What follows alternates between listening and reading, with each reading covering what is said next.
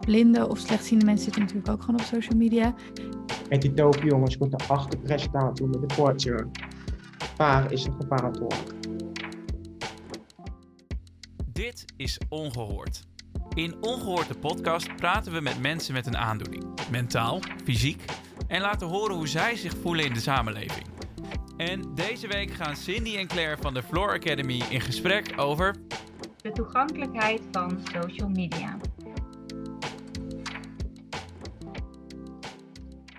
Welkom bij weer een nieuwe aflevering van Ongehoorde Podcast. Vandaag ben ik, Cindy, de host van deze aflevering en is Claire er ook weer gezellig bij. Hey Claire.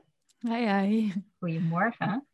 Maar we hebben vandaag ook een hele bijzondere gast, waarvan wij allebei wel heel erg blij zijn uh, dat hij er is. Namelijk Robin Frings. Welkom Robin. Wat leuk dat jij erbij bent. Goedemorgen, dank u wel. Ik heb er zin in voor deze aflevering uh, bij mogen zijn. Nou, wat goed. En wat ook goed is om te weten misschien wel, is dat we eigenlijk nog een gast hebben die niet te horen zal zijn. En dat is Wouter. Dat is jouw gebarentolk. En nou ja, die vertaalt eigenlijk ook tegelijkertijd wat wij allemaal zeggen, hè? Ja, klopt. Oké, ja. top. We gaan het straks hebben over um, nou ja, vanuit welk gemis wij onze social media accounts zijn begonnen. Maar eerst ga ik je heel even kort introduceren.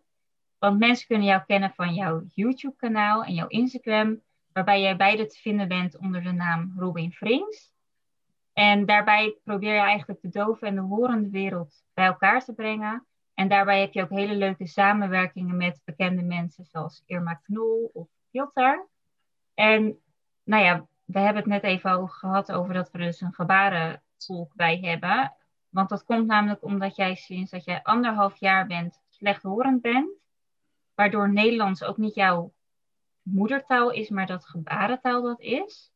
En dat is ook iets wat de mensen die nu luisteren zouden kunnen merken tijdens de podcast, omdat de grammatica van de Nederlandse gesproken taal en de gebarentaal niet helemaal overeenkomen. Je moet me verbeteren als ik het fout zeg, Robin. Maar dat kan dus zijn dat jij af en toe in een andere zinsopbouw praat. En eventjes als voorbeeld, als wij zullen zeggen van ik loop naar de supermarkt, dan zou jij misschien kunnen vertellen wat het dan voor jou zou zijn?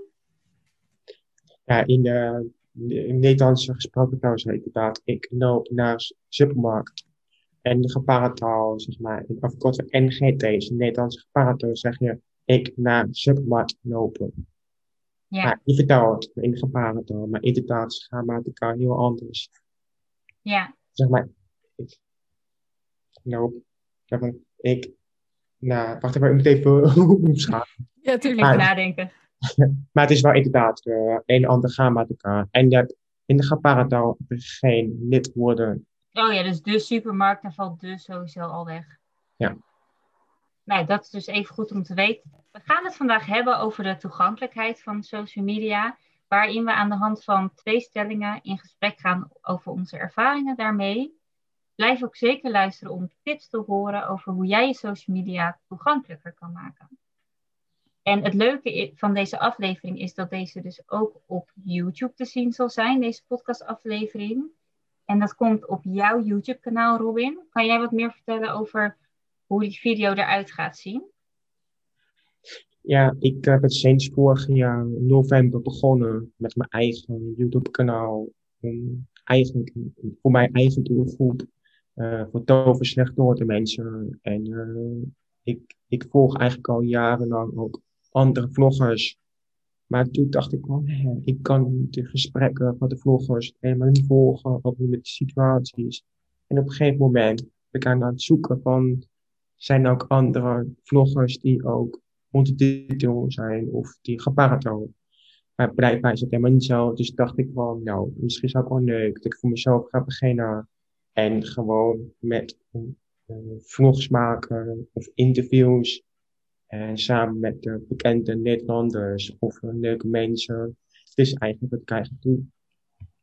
Ja, zodat het eigenlijk voor iedereen toegankelijk is. En dat gaan we dus ook met deze podcast doen. Dus als je hem wil luisteren, kijken, um, in plaats van op Spotify kan je dus ook naar jouw YouTube-kanaal gaan, Robin Vriends.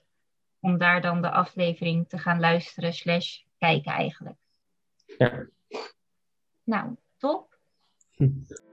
Heb je suggesties voor afleveringen of voor gasten? Stuur ze dan vooral in. En uh, wie weet uh, gaan wij daar dan iets mee doen. En vergeet de aflevering niet te delen, te liken. Zodat zoveel mogelijk mensen de podcast kunnen gaan luisteren. En daarmee ja, de taboes een beetje kunnen doorbreken. En het nog meer toegankelijk kunnen maken voor elkaar. Voordat we het gaan hebben over hoe jij de horende en de dove wereld met elkaar probeert te verbinden door middel van je social media, wil ik eerst weten hoe het met jou vandaag echt gaat. Dat is een beetje onze vaste rubriek. Omdat dat vaak uh, wordt het gevraagd, maar wordt er een sociaal wenselijk antwoord gevraagd. Dus ik ben heel benieuwd, uh, hoe gaat het echt met jou, Robin? Ja, met mij gaat het goed. Want uh, ik heb pauze geleden heel veel dingen gedaan. Binnen sociale media, voor YouTube en ook tussendoor ben ik op vakantie geweest. Ik heb mijn eigen camera meegenomen. En dat is voor mij eigenlijk ontspanning. En ook mijn hobby om dit soort dingen, dit soort uh, dingen kunnen doen. En uh, ik ben ook natuurlijk uh, druk met werken. Dus ik probeer een beetje balans te zoeken voor mezelf. Om de dingen die ik druk heb, daarnaast de vrije tijd te krijgen. Maar het is gewoon, het, het blijft gewoon uitdagen om echt, echt de vrije dagen te krijgen. Maar tot nu toe gaat het wel goed. En uh, ik probeer ook blijven in, in mezelf investeren voor de toekomst. Uh, de dingen wat ik leuk vind om te doen, zoals muziek gevaren, uh, vlogs maken en netwerk groeien. Nou, ja. wat goed om te horen. Leuk. Nou, dankjewel voor het delen. We gaan het zo hebben over hoe verschillend eigenlijk wij de toegankelijkheid van social media ervaren. Maar we gaan beginnen met de allereerste stelling. En dat is eigenlijk een invulstelling. En ik wil zo aan jou, Ruby, vragen of jij als eerste wil beginnen met het uh, invullen van deze stelling. Ik ben mijn Instagram of YouTube begonnen vanwege het gemis van. Toegankelijkheid. Kan je daar wat meer over vertellen? Ja, tuurlijk. Ik, naast uh, nou, zeg maar deze generatie gaat er steeds meer kinderen en ook wel uh, pubers gaan niet meer naar tv kijken. En uh, omdat het heeft te maken met uh, minder interessant, waarschijnlijk. En uh, dus dat betekent, op tv's zie je heel veel ondertitels, maar ook niet altijd. Zoals die tekenfilms, die heb, kan je niet lezen. En je hebt ook vaak geen ondertitel. Dus in tv is eigenlijk verder ontwikkeld dan op YouTube en dat heeft gewoon met te maken met uh, geld, investering, ontwikkeling. Maar tegenwoordig kijken alle kinderen en pubers gewoon naar uh, YouTube voor vlogs uh, te kijken. Maar zoals je nu ook al merken, je, hebt, je hebt ook vlogs, video's, maar je hebt geen ondertitel of je hebt een ondertitel, maar het klopt niet altijd. Ja. Dat heeft te maken met de automatische auto-tune. Dus dat betekent dat kinderen niet 100% kunnen volgen daarom mis ik toegankelijkheid ook heel erg voor mijn doelgroep, voor dove slechthoorende mensen, dat die niet echt uh, video's mee kunnen genieten. Of maken ze gewoon andere eigen verhaal van, wat ze denken, wat ze zien. En dat is ook wel een uh, grote, uh, het speelt ook een grote rol dat die niet goed interpreteren, ja. zeg maar. Wat was het moment dat je dacht van oké, ik ga het nu gewoon zelf doen. Ik ga het zelf oppakken en ik ga um, mijn eigen filmpjes maken? Goeie vraag. Want eigenlijk was, ik, was ik op plan om vier jaar geleden te beginnen. Maar vier jaar geleden was het totaal anders dan in deze periode. Omdat uh, begin 2020 kwam er corona. En kwam een persconferentie en uh, ineens uh, kreeg je alle aandacht naar gepaard toe. En vanwege uh, een persconferentie. En dus dat maakt het ook makkelijker om ermee te beginnen. Maar ja. vier, vijf jaar geleden was het helemaal niet zo. En uh, toen wist ik niet waar ik mee moet beginnen. En vaak krijgen wij heel weinig aandacht en gepaard Dus dat is voor, voor mij en voor ons ook een drempel te oog om ergens mee te beginnen en waar en hoe. Maar sinds de persconferentie kreeg alle aandacht naar gebarentaal. Dus ik dacht wel, dit is het beste moment om ermee te kunnen beginnen. Dus eigenlijk uh, vorig jaar uh, in de zomer zat ik te denken van, oké, ik ga het beginnen. En hoe hou ik de tijd aan? En op een gegeven moment, in oktober, heb ik echt begonnen. En uh, zo is het eigenlijk in kort gezegd. Zo kwam ik in mijn idee. En je hebt het ook wel heel serieus meteen genomen, hè? Want je bent echt wel, ook als je kijkt naar de samenwerkingen, dat je bijvoorbeeld uh, met Irma Knol hebt samengewerkt en met Piotr dat vond ik dus echt heel erg vet. Omdat ik, ik ken jou eigenlijk een beetje via Piotr. Omdat ik dus ook met Piotr heb samengewerkt. Dat jij het nummer 2020 toen ging gebaren tolken. En daardoor heb ik jou een beetje eigenlijk een soort van leren kennen. En dat vind ik ook wel heel tof. Dat je dat eigenlijk zo snel al met, nou ja, ook wel met bekende mensen samenwerkingen hebt. En denk ik daarin heel veel mensen kan bereiken. Dat klopt. En uh, dat, wat ik eigenlijk, hoe het bij mij begonnen was, is dat met de Irma Knol, zeg maar moeder van Enzo Knol, is gewoon contact opgenomen vanuit Instagram. Gewoon privébericht gestuurd van, joh, zou je misschien leuk vinden om samen video's te maken met muziekgebaren. En toen zei Irma Knol ook van, oh, ik ben een soort van Irma Snuis, maar dan Irma Knol, weet je wel. Zo is het gesprek begonnen. En op een gegeven moment eigenlijk dankzij uh, is het uh, mijn uh, netwerk vanuit de bekende wereld begint wel te groeien. En Piotr heeft natuurlijk mij gezien via het management van Piotr heeft mij gezien op vlogs opnames. Toen dacht ik, oh, misschien kunnen we Robin meenemen naar Radio 538. En dat is allemaal zo ontstaan. Wat leuk. Ik, moet, ik kan me ook voorstellen dat dat zo vet voelt. Als je dan dus bij bijvoorbeeld Radio 538, dat het ook enerzijds, dat het echt een soort, hoe zeg je dat? Ja, dat het gewoon heel erg vet is, maar ook dat je heel erg herkenning dan voelt op zo'n soort radioplatform. Uh, Zeker. En het uh, mooiste was twee maanden van tevoren, dat Radio 538 was natuurlijk in december, einde van 2020 en twee maanden van tevoren, als, uh, als het goed is. Dus de gebarentaal erkenning. Ja. Ja, maar even, ik wil daar heel even op inhaken hoor. Want jij vertelde dat vorige keer toen we even een voorgesprekje hadden. Dat dus eigenlijk pas sinds oktober, hè, dat het een officieel een erkende taal is, gebarentaal. Daar schrok ik zo van dat ik echt dacht, hoe kan het dat we gewoon in deze tijd leven en dat gewoon pas in 2020 gebarentaal als een erkende taal is. Ja, het is echt heel bizar.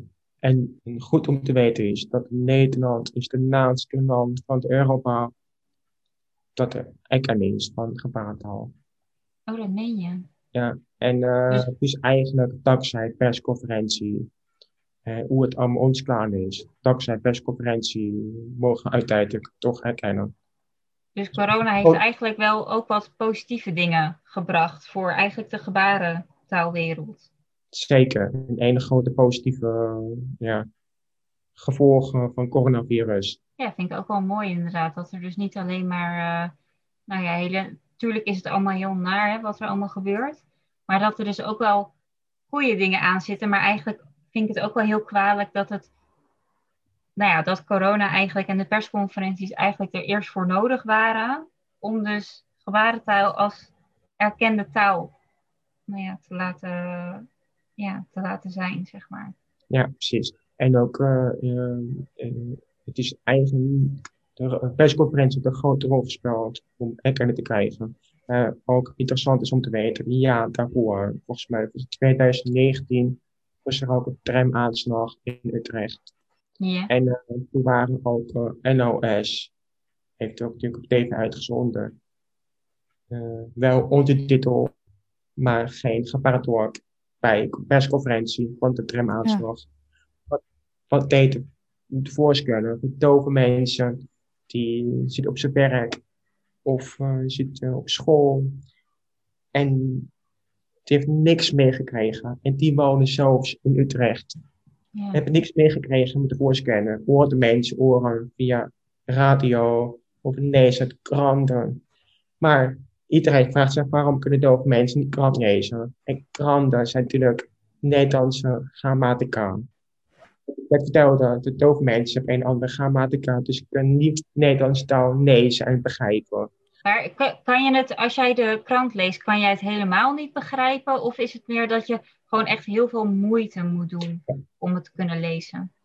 Ja, voor mij persoonlijk. Uh, omdat ik natuurlijk naast een jaar Nederlandse taal uh, ontwikkeld. Maar is ook een groot deel van de dove mensen die blijft de moedertaal, de gebarentaal. En kunnen Nederlandse taal heel moeilijk lezen en begrijpen.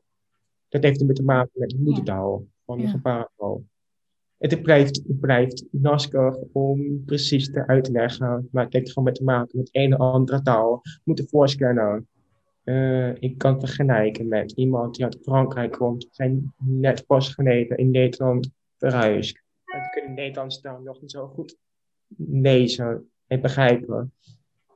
En dus vandaar is door de tramaanslag het ook een beetje meegespeeld van dove mensen hebben niks meegekregen. Je moet ervoor scannen als je in Utrecht wil, je hebt tramaanslag, je ziet de arrestatieteams, de politieagenda. Ja. En je weet niet wat er aan de hand is. Nee, precies. En uh, dus dat heeft een grote, het is ook, het is ook oorzaak. En toen kwam het coronavirus, de eerste persconferentie coronavirus, was ook geen geparadoord. Toen uh, heeft een dove jongen heeft, tijdens live uitzending van NOS, heeft die presentator heeft die, zijn verhaal te vertellen over dit is gebeurd.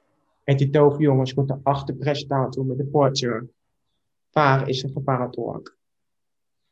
En zo is het begonnen van waar is een geparadoord? Kunnen doven slecht door de mensen niet meevoeren. En dat is ook uh, meegespeeld om uiteindelijk, toch gepaard bij een persconferentie. En uh, is het misschien ook wel leuk dat ik ook veel op zich ga laten zien. Uh, als voorbeeld vanuit mijn YouTube-kanaal. In tijdens die podcast ook bij de blokken. Zodat ik mensen ook mee kunnen zien wat, wat er precies gebeurd was.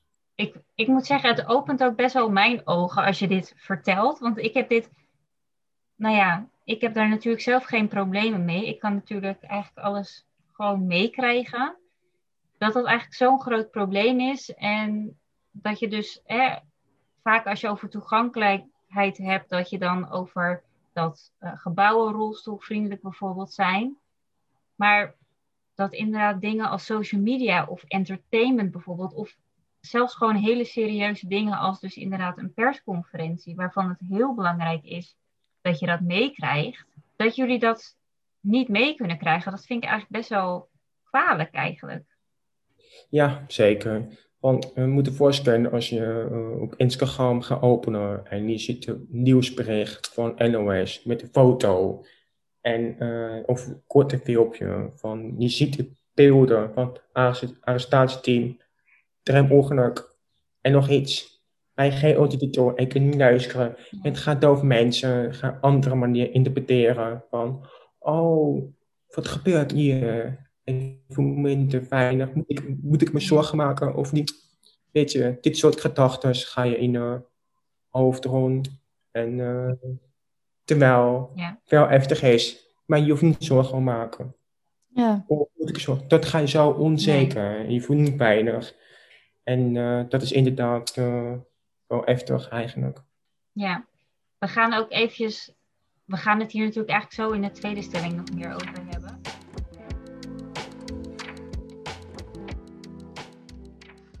Dus ik ben heel veel benieuwd naar Claire.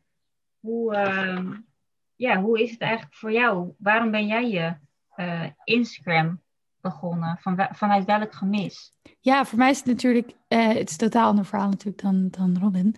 Um, ik ben vier jaar geleden begonnen met bloggen en met Instagram en nu uiteindelijk ook met YouTube. Um, omdat ik zelf chronisch ziek ben en ik merkte dat over de ziektes die ik heb niet zoveel te vinden was uh, in het Nederlands. Heel veel Engelstalig, heel veel Amerikaanse websites, uh, Facebookgroepen, dat soort dingen. Maar ja, ik dacht, en ik kan prima Engels en lezen, maar ik dacht, het is ook misschien gewoon leuk als ik mijn eigen ervaring deel in het Nederlands voor mensen die helemaal geen Engels spreken. ehm, of waarvan het Engels en Amerikaans allemaal zo ver weg is. Ehm, dus ja, daarom ben ik eigenlijk begonnen. En ook wel omdat mijn vader zei dat ik gewoon moest gaan bloggen. Toen heb ik dat opgepakt. En, en daarom deel ik dus allemaal dingen van ja, hoe het is om, om te leven met ehm, bepaalde chronische ziektes. Ook omdat er vaak op een bepaalde manier over gepraat wordt. Dus ehm, of dat je heel erg soort van positief moet zijn en vooral eh, ja, niet negatief moet nadenken en ehm, zoveel mogelijk ehm, erbij moet horen, jezelf aanpassen zodat je erbij hoort. Maar wat ik steeds meer ben gaan leren is dat in sommige gevallen ook juist, ja, hoe zeg je dat? De samenleving zich ook wel mag aanpassen, zeg maar. En, en dat Ja. sluit dan misschien wel een beetje aan op, op wat Robin zegt. De samenleving mag ook wel een beetje moeite doen om ervoor te zorgen dat het eh, even veilig is of even toegankelijk is voor, voor andere mensen die niet in het standaard plaatje eh, passen, zeg maar, of aan de verwachtingen voldoen. Dus, dus, dus dat e- eigenlijk. Ehm, en ik heb ook een tijd lang recepten gedeeld, dus ook gewoon om, om bepaalde soort eh, recepten een beetje in het Nederlands in de wereld te krijgen. Eh, omdat ik heel veel dingen niet kan eten. Dus dat is een beetje mijn, mijn gemis wat ik had. Waarom ik met Instagram ben begonnen. En uiteindelijk dus ook YouTube. Omdat ik ook merkte dat er wel veel... Er zijn wel Nederlandse YouTube-kanalen, inderdaad vloggers ook. Ehm, maar ik miste een beetje, zeker wat betreft dan ehm, mensen met een beperking. Ik miste daar een beetje... Ja, ik miste die gewoon heel erg op YouTube. In, in het Nederlands. Er zijn wel een aantal hele coole accounts... ehm, Amerikaans of Engelstalige accounts, maar niet in het Nederlands. En dat vond ik jammer, want ik denk dat dat ook voor heel veel mensen dan niet toegankelijk is. Ehm, dus toen dacht ik, nou, dan ga ik het zelf maar doen. Wat Ja. goed van je. Wat leuk. Ja, het is eigenlijk ook wel mooi om te zien dat je hebt heel veel beperkingen die er zijn. Maar het is ook mooi om te zien dat er heel veel beperkingen inderdaad zien naar sociale media van joh, dit is wat wij hebben en dit is wat wij kunnen, dit zijn de kenmerken, zodat voor de mensen die eh, meer kennis eh, kunnen krijgen over hoeveel beperkingen zijn er. En waarom is dat zo belangrijk om te weten? Ja, en dat heb ik ook zeker wel gemerkt het afgelopen jaar ook, dat er heel veel ehm, mensen met een beperking, of tenminste in mijn, naar mijn ervaring, heel veel zichtbaarder worden op, op sociale media, waardoor Ja. er één inderdaad veel meer kennis is. Mensen leren steeds meer. En ook, je voelt je ook iets meer gezien en gehoord, omdat je kan zien, oh, die persoon heeft dat ook. Of die persoon ehm, is daar ook, eh, heeft daar ook moeite mee en dan kan je je daarin herkennen. En dat is ook gewoon voor mezelf ook gewoon heel erg fijn. Ja, Ja, ik vind het wel heel grappig dat jij dat ook zegt van dat jij het afgelopen jaar het idee hebt dat het veel meer ook zichtbaar is geworden. Want, nou ja, ik heb natuurlijk ook een eigen Instagram-account, hebben alle, alle drie. En ik zat er al eigenlijk jaren soort van over na te denken dat ik mijn verhaal wilde delen. Want wat ik heel vaak zag eigenlijk, was dat een verhaal werd gedeeld op het moment dat het alweer goed ging met iemand. En toen dacht ik, ja, dat is best wel makkelijk praten. Want dan heb je het al gehad en dan weet je dat je eruit bent gekomen, zeg maar.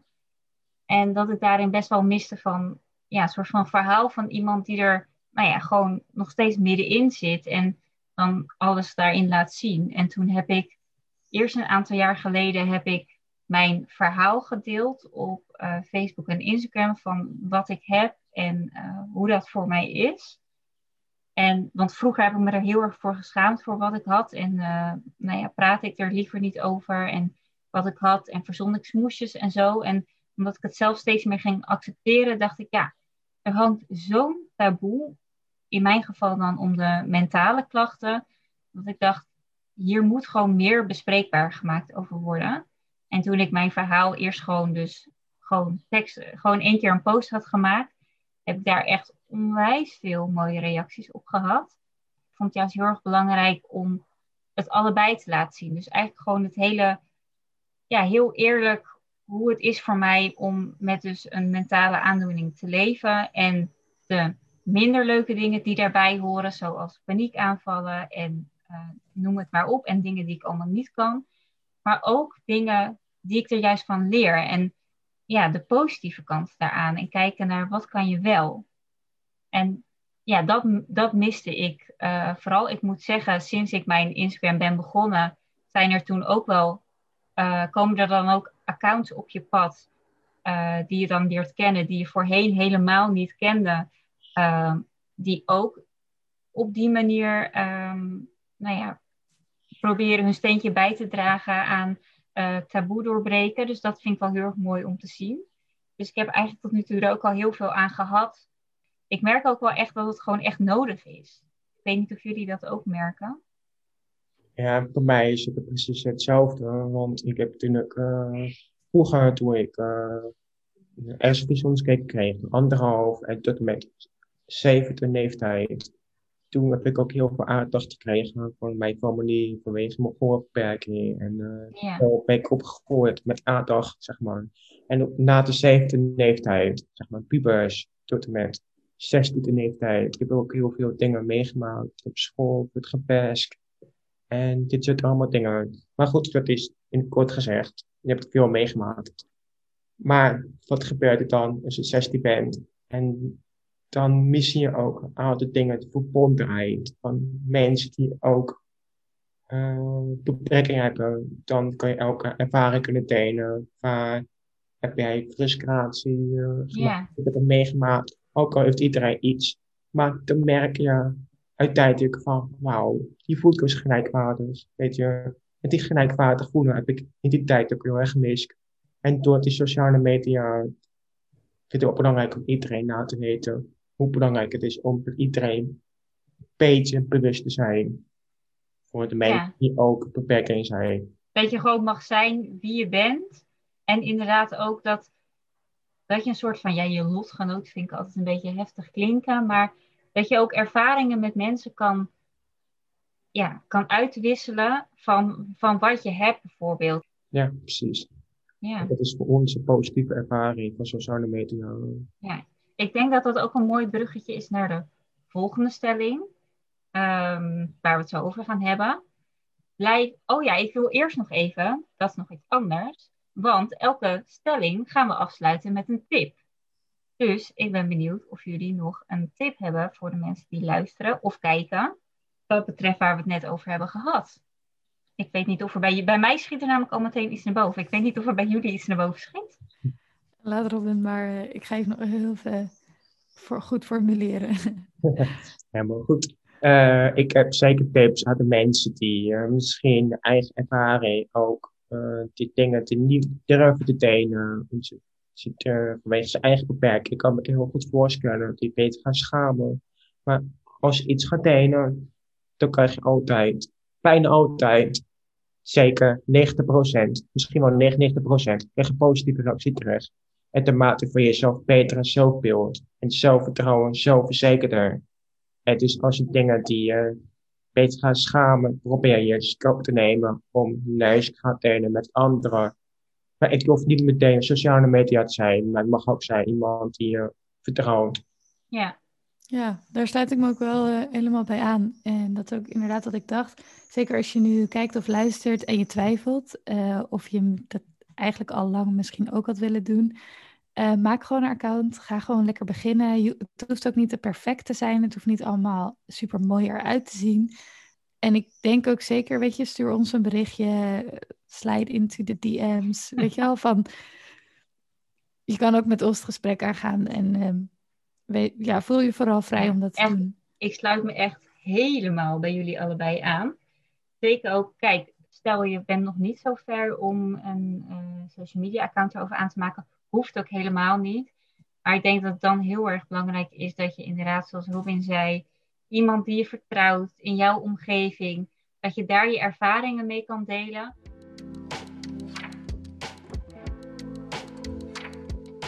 Nou, blijf luisteren voor uh, nog meer tips. Ook over hoe jij je social media toegankelijker kan maken aan de hand van een aantal simpele tips. En dan gaan we door naar de tweede stelling. En ehm, dat is de stelling. Voor mij zijn social media uh, toegankelijke platformen. Nou, Claire, ik ben eigenlijk wel heel benieuwd naar jou als eerst. Ehm, nou ja, over het algemeen wel. Ik vind sociale interactie heel vermoeiend. Ehm, en dat is op social media vaak wat minder vermoeiend, omdat het tekst is. En voor mij is tekst heel erg fijn. Ehm, wat je dan dus wel bijvoorbeeld meemaakt, of tenminste zeg maar, wat ik heel onprettig vind, is als mensen bijvoorbeeld stories gaan maken ehm, en dat er heel veel heftige geluiden in komen of heel erg veel gepraat wordt en dat er niet gewoon ondertiteling is. Zeg maar daar heb ik ook gewoon baat bij. dus dat vind ik onprettig. Uh, maar over het algemeen is het wel Ehm, ja, over het algemeen is het wel vrij toegankelijk. Voor jou? En voor mij wel, ja. ja, ja. En wat, wat vind je er zo fijn aan dat het dan zo toegankelijk is? Nou ja, het is voor mij zeg maar ook uh, een plek uh, waar minder van mij verwacht wordt. Zeg maar. Ik heb dus onder andere best wel een energiebeperking. Um, en social media is best wel iets waar de verwachtingen ja, het is zo'n, zeg maar, het is voor mij, de, hoe ik social media gebruik en de bubbel die ik een beetje heb, is dat het heel erg laagdrempelig is, uh, dat er niet hele heftige verwachtingen zijn, maar dat het ook heel open-minded is. Um, dus dat als ik daar iets deel, ik heb bijvoorbeeld vrij weinig negatieve reacties. Um, ja, mensen zijn juist heel erg begripvol. En dat maakt het voor mij ook toegankelijk om dingen te delen, omdat ik weet van, ja, mensen accepteren je gewoon hoe je bent. Ja. Um, en dus inderdaad ook tekst, via tekst communiceren vind ik dus heel erg fijn, omdat ik dan en niet hoef te luisteren en niet hoef te praten en niet soort van, ja, het kost mij gewoon heel veel moeite. En dan blijf je eigenlijk toch nog een beetje in contact met anderen, toch? Dat ook, dat ook zeker, ja, want het is natuurlijk zeker als je niet vaak dingen kan ondernemen fysiek, dat je een beetje geïsoleerd raakt. Uh, en daarvoor is social media altijd voor mij echt een soort um, ja, perfecte manier geweest om toch in contact te blijven met mensen. En dus dat ik niet helemaal geïsoleerd raak. Um, dus ja, dat zeker. Ja. Ik sluit me daar eigenlijk al helemaal bij aan. Want voor mij is het juist een hele toegankelijke plek, vind ik. Omdat ik dus um, nou ja, vanwege wat ik heb, mijn mentale problemen en uh, depressies daarbij, ja, zijn dingen zoals uit eten gaan, een drankje doen, naar een festival gaan bijvoorbeeld, zijn voor mij gewoon, nou ja, eigenlijk niet te doen. Ik werk er natuurlijk wel aan dat ik dat graag wel weer zou willen. Of tenminste, ik wil het wel heel graag, maar het gaat niet. En dat social media voor mij, maar ook daarin bijvoorbeeld WhatsApp, een hele mooie manier is om ja, eigenlijk je ook wel vriendschappen en banden te onderhouden met mensen. Bijvoorbeeld mijn, uh, mijn beste vriend, die heeft nu al bijna twee jaar al een eigen huisje in Utrecht. En ik wil er echt heel graag al heel lang naartoe. Maar het lukte gewoon steeds gewoon niet. Omdat ik dan moet ik er anderhalf uur naartoe reizen, anderhalf uur terug. Daar zijn. Dat is gewoon allemaal, kost me heel veel energie, heel veel spanning. Um, ik ben nu inmiddels wel zover dat ik hoop deze zomervakantie eindelijk langs te gaan. Maar daarin is het zo fijn dat je dan bijvoorbeeld ook bijvoorbeeld gewoon via WhatsApp en via Instagram gewoon kan communiceren en die band gewoon echt heel goed kan houden. Want ik heb echt een hele goede band bijvoorbeeld met hem, maar ook met andere vrienden. Dus voor mij vind ik eigenlijk social media gewoon echt een hele fijne plek. Tuurlijk kan het soms ook heel naar zijn, omdat er ook heel veel mensen zijn die achter hun computer zitten en negatieve reacties schrijven. Maar ik moet zeggen, die had ik echt veel meer verwacht. Ik heb eigenlijk, nou, ik denk dat ik ben nu bijna een jaar bezig. Ik denk dat ik één of twee, nou ja, eigenlijk niet eens hele negatieve reacties, maar meer dat ik een aanmerking op mijn taalgebruik of zo kreeg, weet je wel. Maar nooit een negatieve reactie gehad. En dat vond ik ook wel heel bijzonder dat het eigenlijk allemaal heel positief en motiverend is. Dus ja, voor mijzelf is het echt een hele toegankelijke, fijne plek om met elkaar in gesprek te gaan, in uh, ja, verbondenheid te hebben. Het is ook super interessant, omdat we dan zeg maar ook net heel veel hebben gesproken ook over hoe um, social media ook juist ontoegankelijk kan zijn. En dat wat voor de een toegankelijk is, voor de ander juist ontoegankelijk kan zijn. Of dat dat soort van naast elkaar kan bestaan. Ik weet niet hoe jij daarover nadenkt, Robin. Ja, ik, uh, ik, ik, eigenlijk sluit ook, ook eenmaal aan wat niet zeggen. Alleen, ik vind het heel, heel grappig om te zien hoe sociale media, je hebt ook voordelen, maar je hebt ook nadelen. Want Ja. het voordeel is, wat Nini net ook al zei, je kunt mensen contact maken en eh je voelt de verbondenheid. Maar het nadeel is, dus voorbeeld als eh, Instagram of WhatsApp. Als er iemand die jou dan niet hebt gezien en je wilt afspreken, ook al heb ik vaak gezegd, van, ik ga echt met je binnenkort afspreken. Maar het gebeurt niet, maar omdat sociale media voel je al dichtbijheid. Dus het teken van, ja, ik heb nog wel contact. Maar een persoonlijke contact niet. Wat Ja. voorscannen als Instagram of WhatsApp niet bestaat. Daar heb je nog veel grote kans dat hij wel Dat je wel gaat. Ja, dat vind ik ook wel een hele mooie dat je dat zegt, ja. Ja, Ja. Dan is meer, misschien de urgentie of zo hoger. Om, eh, om toch, ja, als ik dan aan mezelf denk, toch die stap te moeten zetten wel om dus in aanraking of in, in contact Ja, te komen met mensen. Precies. Maar dat is, dat is waarom, daarom dat ik ook heel grappig vind aan sociale media. Als zij op andere manier gaan denken. Maar misschien, sociale media voel je misschien minder verplicht om naar iemand te gaan. Ja, En, eh, maar het, in algemeen is sociale media heel veel voordelen. Ook voor iemand die eh, heel onzeker is om sociale contacten te maken. Dat is voor mensen die lastig vinden, is sociale media echt wel eh, een eh, fijne manier om met anderen kunnen verbinden. ik vind het wel mooi dat jij ook heel erg de voordelen ervan ziet. Terwijl we hadden het er net over dat eigenlijk voor eh, ja, mensen in jouw doelgroep, de, de doven en slechthorenden, eigenlijk heel veel niet kunnen meekrijgen. Omdat nou ja, er bijna geen aanpassingen zijn. En als die aanpassingen er zijn, zijn ze op televisie. Waar bijna niemand meer op zit. Want eh 75% van de jongeren zit dagelijks op social media. En is televisie eigenlijk wel verleden tijd. Dus daarin denk ik dat, er, dat de toegankelijkheid juist wel weer heel erg mist. Ja, zeker. Zeker, want ik kan me voorstellen op sociale media als mensen die extra eh, toegankelijkheid gaan maken, zoals auditoren en gebaren, kost ook al heel veel tijd. Je krijgt niks voor terug, maar misschien krijg je wel iets wat terecht, dat de mensen die dankbaar zijn, die wel extra mee kunnen volgen. En dat is de eigen, maar het is, je moet wel heel bewust zijn van, oh rekening mee, er zijn 10% van de mensen in Nederland die niet kunnen volgen. Dus dat is al anderhalf miljoen mensen, misschien wel. 10%. Ja. En met sommige mensen denken gewoon niet, ja, Ik vind dat echt wel een hoog eh, percentage eigenlijk. Als 10% van de mensen het niet kan meekrijgen. En kijk, wij zijn dan hè, tegenover en NOS en RTL zijn wij kleine eh, accounts bijvoorbeeld. En wij proberen ons daar dus al voor, voor in te zetten. En we gaan het zo dan over wat tips hebben van hoe je je social media ja, toegankelijker kan maken. Maar dat dus de, de grote bedrijven die eigenlijk de mankracht en het geld ervoor hebben, dat die daar niks aan doen.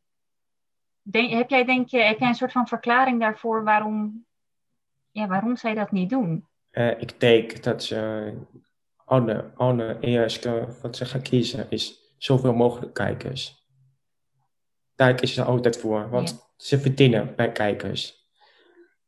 Maar het grappige is, we praten nu over kijkers, maar ik weet bijna zeker hoe ze extra toegankelijk maken. Dan krijg je nog meer kijkers. Dat is wat Ja, wij denken, maar er zijn ook mensen die niet helemaal aan denken. En dus eigenlijk moeten wij zorgen dat wij in de maatschappij meer bewust te maken van, joh, we krijgen juist meer kijkers, hoe meer toegankelijkheid, hoe meer mogelijkheden. Ja, en ik, zeker als het natuurlijk net in het begin over hadden, dat eigenlijk pas in 2020, dus nou ja, eigenlijk net iets meer dan een half jaar, de Nederlandse gebarentaal pas als erkend, eh, als erkende taal is, eh, hoe zeg je dat? Een erkend, tot erkende taal is gemaakt, net als gewoon het Nederlands. Dat er ook een hele inhaalslag nog in is te maken, want het is natuurlijk iets wat gewoon al, weet ik veel, tientallen jaren speelt dat er dove en slechthorende mensen zijn. En dat het, ik, tenminste, ik hoop daarin dat de coronacrisis en de erkenning van de Nederlandse gebarentaal daar ook wel iets in gaat veranderen. zeker ook omdat gebarentaal eerst verboden was. Wil jij daar wat meer over vertellen, Robin? Ja, tot en met 1980 was er gebarentaal verboden op alle gebieden, dus op schone werk. En toen mocht je toen mocht niet niet, omdat toen moest je voor dove mensen moeten neren praten, neren hoe je moet uitspreken en neren nip lezen. En uh, in de, toen was een andere generatie, toen moest je mensen die noem je, zeg maar, doofskommen. Dat mag je tegenwoordig helemaal niet zeggen. Maar toen die tijd dinden mensen, de doof mensen ook neer moeten praten, neer en lezen. Zodat voor de mensen zelf ook gelijkwaardig voelen. Dat is in kort gezegd. Maar toen in 1980 uh, mochten niet gepraat gebruiken. En toen, maar je hebt ook uh, vijf plekken in Nederland, zoals Amsterdam, Rotterdam, Utrecht, Groningen, Brabant. Allemaal, ja, allemaal vijf verschillende plekken in Nederland. Ik heb allemaal scholen. En toen die tijd heeft alle dove scholen een soort van stiekem geparataal gaan gebruiken.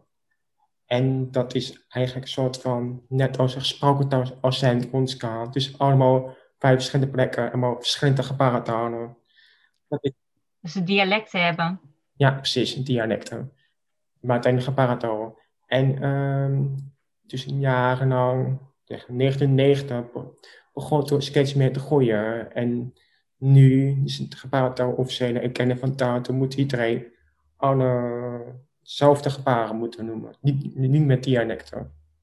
Ja. Oké, dus dat het echt één algemene taal. Maar wat jouw vriendin vorige keer ook vertelde, is dat er gewoon lijfstraffen werden uitgedeeld op scholen op het moment dat er dus gebarentaal gebruikt werd. Nou, dat vind ik zo bizar. Ja, ja, ja ik gelukkig heb ik zelf niet meegemaakt. Was, ik, ik ben toen in 1995 geboren.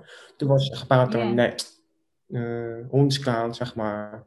Maar je moet je voorstellen, als je, uh, je bent uh, 12 jaar en uh, je zit in de klas en nu wil graag met klasgenoten even communiceren met gebarentaal. Ja, dan krijg je een lineaal klap op je handen. Ja. ja. Ja, maar als je gewoon, als je doof bent, dan kan je niks horen. Dus hoe kan je dan in hemelsnaam met gesproken taal gaan communiceren? Ik vind dat, ja, ik vind dat heel gek.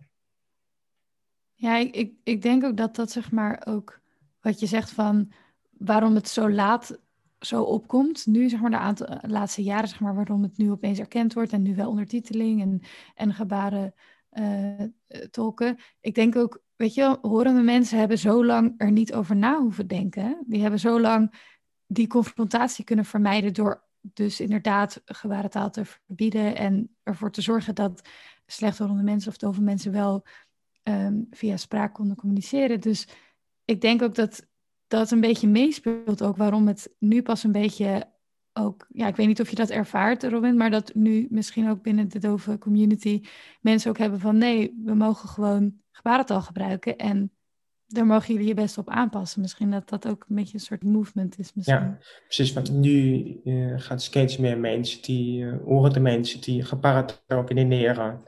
Dus met toen in die tijd moesketoven en uh, slecht de mensen moeten gewoon leren praten, leren en lezen. Maar toen mocht niet tegen de mensen zeggen jij moet ook leren. En weet je wat het grappige is? Mijn buurmeisje die is een jaar en drie maanden. En die uh, kinderen kunnen natuurlijk gewoon nog niet praten. En heel vaak als dingen niet lukken, dan, dan gaan ze huilen en gaan ze krijzen. En mijn buren hebben dus haar het gebaar van helpen aangeleerd. En op het moment dat haar nu iets niet, iets niet lukt, en ze kan het natuurlijk nog niet vertellen, nou ja, zij doet dus dit. Dus ja. uh, gebruikt dit als helpen. En dan geeft zij gewoon letterlijk een flesje aan mij. En dan wil ze dus dat die open gaat. En dan doet ze dus gewoon het gebaar. En dan weet ik dat ze geholpen wil worden. En dat bij een kind ja, scheelt dat al zoveel frustratie dat iets niet, iets niet lukt. Want ze kan nu gewoon door middel van gebaren om help, hulp vragen. Ja, dat vind, ik vind dat gewoon heel bijzonder om te zien. Dat ik al denk van, oh, dat niet alleen voor dove en slechthorende mensen kunnen dus gebaren heel erg fijn zijn en noodzakelijk. Maar ook gewoon voor een kind die nog niet kan spreken. Wat ook interessant is om te weten, is dat de babygebaren zijn eerder ontwikkeld dan uh, gesproken taal. Dan uh, als baby. Na zes maanden leer je al fysiek ontwikkeling. En geba gebaren is ook fysiek. Ja. Eigenlijk uh, eerder ontwikkeld dan gesproken taal. En baby's kunnen pas na negen maanden of één jaar kun je pas oraal ontwikkelen. Ja, dus het is eerst inderdaad eigenlijk het, het fysieke wat er gaat ontwikkelen. En ja, dat verschilt natuurlijk ook heel erg per, per kind wanneer ze gaan praten.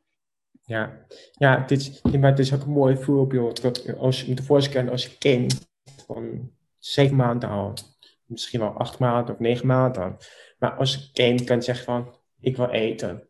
Ja, de, ja, wat jij nu doet inderdaad voor de mensen die het niet zien, is met je platte hand eigenlijk op je mond slaan. Dus hand voor je mond, je maakt een gebaar van hand voor je mond. Dan weet je meteen, oh ja, die wil eten. In plaats van... Ja. Ja, precies. Ik vind eigenlijk dat kinderen dat veel meer inderdaad met gebaren eerst zouden moeten leren.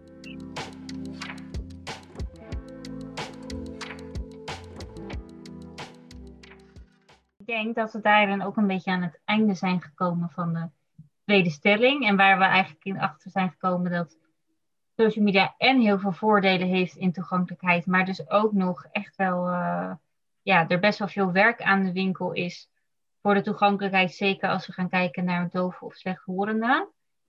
En hoe mooi zou het zijn als wij een paar tips kunnen geven voor de mensen die luisteren, op welke simpele manieren zij hun social media kunnen aanpassen, zodat, um, ja, zodat hun account wat toegankelijker wordt, ook voor de dove en slechthorende mensen. Robin, heb jij wat tips?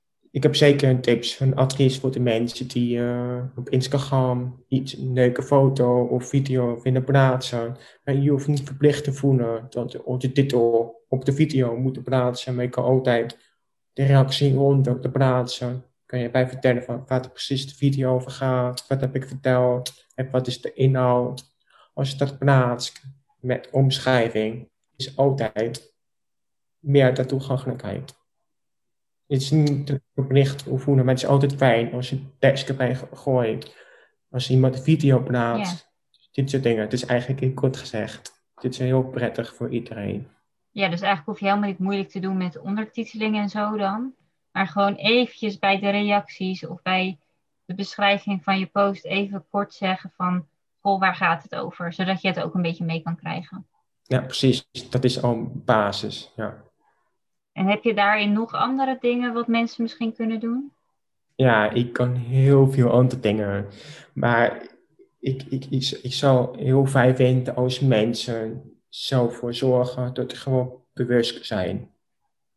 Voor, voor mijn doelgroep. Ja. Als ik bewust ben, dat is al een mooie stap voor ons. En ja, dat is eigenlijk wat ik in basis wil ik zeggen, gewoon bewust zijn voor dove slecht worden. Want dan komt automatisch bewust. Oh ja, ik kan ook rekening mee met ondertitel. Dus die bewustheid, die, als je dit hebt, daar, daar Ja. zijn we heel erg blij mee. Heel dankbaar voor. Ja.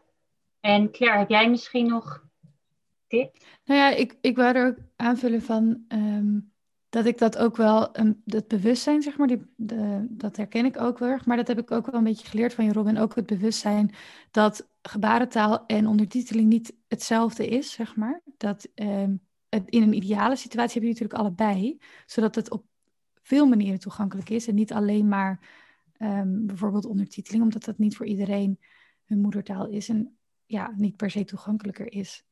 Dus dat denk ik dat dat een fijn is als mensen zich daar bewust van zijn. Zeker als je toevallig um, een luisteraar bent of een kijker bent en voor een heel groot bedrijf werkt. Luister dan even heel goed pas, nu. dat, pas het inderdaad vooral toe. En wees je er inderdaad bewust van dat dat twee verschillende dingen zijn en dat je daar allebei van gebruik moet maken. Ja. ja ik denk dat het een hele mooie is om mee af te sluiten. Claire, ik was nog heel even benieuwd, want in onze social media post, dan heb jij het ook wel eens over met hoofdletters en zo. Is dat ook nog iets waar mensen iets aan kunnen hebben misschien? Ja, dat is uh, meer um, wat ik wat ik geleerd heb via social media, en dat heeft te maken met screenreaders. Ehm, blinde of slechtziende mensen zitten natuurlijk ook gewoon op social media. En wat ik heb geleerd is dat het heel fijn is om bijvoorbeeld hashtags met hoofdletters te schrijven, omdat een screenreader dat dan als aparte woorden herkent. En anders uh, herkent hij dat niet met. Uh, en dan wordt het een soort brei aan woorden. Um, dus dat, dat zijn dingen die ik bijvoorbeeld heb geleerd. Of als je een foto plaatst, dat je ervoor zorgt dat er een omschrijving bij staat van wat staat er op de foto. Zodat mensen die slechtziend zijn of blind zijn ook gewoon kunnen begrijpen wat er op de foto staat. Ja. ja, dus we hebben eigenlijk tips voor en voor dove en slechthorende mensen, maar dus ook voor mensen die juist niet zo goed kunnen zien en weer wel kunnen horen. Want die worden dan eigenlijk voorgelezen van wat er op een uh, beeldscherm staat. Ja, ja, ik denk dat er, eh, je zou zo lijsten kunnen maken van dingen waar je rekening mee kan houden om het voor iedereen toegankelijk te maken. Zelf heb ik bijvoorbeeld dat ik, als het hele flitsende beelden zijn of hele heftige, uh, abrupte geluiden, dat vind ik heel onprettig. En ik weet ook van sommige mensen dat die daar bijvoorbeeld spasmes van kunnen krijgen. Um, dus dat zijn ook ja, dingetjes waar je op kunt letten. Er zullen we op Instagram wel wat over delen, denk ik. Wat mooie posts. Ja. Nou, ik denk dat het een hele mooie is om gewoon met kleine aanpassingen je social media account wat toegankelijker te maken. En dan uh, zijn we eigenlijk alweer klaar met de stellingen. En ben ik heel erg benieuwd naar uh, of jullie dit gesprek met één woord zouden kunnen samenvatten. Een lastige vraag. Ik, ja. In één woord. Uh, misschien ik kan wel twee woorden zeggen. Bewustheid, gelijkwaardig. Grappig. Be bewustzijn, ja. dat was ook mijn woord. Ja. Ik, na dit gesprek ben ik veel meer bewust geworden van, ja, van de dingen die ik zeg maar zelf altijd op social media zette. Bijvoorbeeld als ik een story plaatste, dan was ik daarin eigenlijk alleen maar aan het praten. En dat ik dan nu ook denk van, oh ja, eigenlijk moet ik er eventjes tijd voor maken om dus even iets van een ondertiteling of eventjes daarin zetten van wat ik zeg. En ik probeer dus, wij hebben vorige week al een gesprek gehad. Daarbij is echt al een knop bij mij omgegaan met dingen dat ik echt denk van, oh ja, op deze manier um, wordt het net even iets toegankelijker voor mensen. Dus ik vind dat een hele mooie. Ja, precies. En jij, Claire? Ja, ik vind het lastig om hier een woord voor te bedenken. Ik vond het vooral een heel warm gesprek. Dus warm is een beetje mijn woord, want ik vond het een heel fijn, um, open, eerlijk gesprek. En um, dat vind ik altijd fijn. En bij deze podcast uh, is voor mij ook het gevoel dat voor iedereen zeg maar, skill te staan voor bewustheid. Ja, ook wel acceptatie, denk ik. Ja, precies. Ja. Want we hebben alle drie iets anders. En we staan ook heel erg open voor elkaars verhaal, heb ik het idee. En uh, ja, ook, ook van elkaar kunnen we heel veel leren. Precies. Nou, wat, wat mooi. Dan gaan we hem afsluiten. Robin, onwijs bedankt dat jij te gast wilde zijn bij de podcast echt, uh, we hebben er ontzettend van genoten en heel veel van geleerd. Dus dankjewel. En ook uh, Wouter bedankt voor uh, het meegebaren, zodat jij bij deze podcast überhaupt aanwezig kon zijn. Ja, en ik wil ook, ik wil ook Robin even bedanken. Wat, wat ik heel erg leuk vind, um, is dat je zeg maar zo'n open persoon bent. In de zin dat je ook um, heel graag met mensen gewoon samen wilt werken om andere mensen te helpen. En dat is echt wel een kwaliteit ja. die niet iedereen heeft. Ja, dat, dus, dat geldt andersom ja, ook ook, uh, en ook interessant is om te zien wat net uh, Cindy ook vertelde over van die verdeling wat in Utrecht. Door sociale media voor je, maar aan de ene kant ook wel niet is het zo. Iedereen heeft andere inzichtingen. Het is ook wel leuk om te zien. Ja. Ja. ja, ik vind dat inderdaad trouwens ook als tip. Nog even van, uh, wees je ook bewust van hoe je je social media gebruikt. Het is aan de ene kant inderdaad heel mooi. Maar wat Robin inderdaad ook zei, waarvan ik wel even dacht van, oh ja, wat als social media er niet zou zijn, zou je dan eerder die stap hebben gemaakt om toch dat contact op te zoeken. Dus wees je daarvan ook bewust als je dit hoort van, hmm, doe ik dat niet misschien ook? Dus uh, ik vind dat een hele goede dat je dat hebt gezegd. Ik ga ermee aan de slag. Alles wat wij hebben besproken zijn onze eigen meningen en verhalen. Dus het kan zijn dat als je aan het luisteren bent, dat je dat net iets anders ervaart of totaal anders zou ook nog kunnen. Ehm, dat is helemaal oké. Wil je iets kwijt, wil je nog iets vertellen, dan kan je ons altijd bereiken op ons social media account via de Floor Academy. En ja, wil je Robin een berichtje sturen, dan kan je hem denk ik gewoon een berichtje sturen op zijn Instagram account, uh, Robin Frings. En dan ehm, wil ik jullie heel erg bedanken voor het luisteren en tot over twee weken bij een nieuwe Yes. aflevering van Ongehoord Podcast. Het zit er alweer op voor deze week. Bedankt voor het luisteren naar Ongehoord. We zijn heel benieuwd wat je ervan vond. Dus laat het ons weten via Floor Academy op Instagram en Facebook. Samen werken we aan een wereld waarin iedereen gehoord wordt. Tot de volgende aflevering.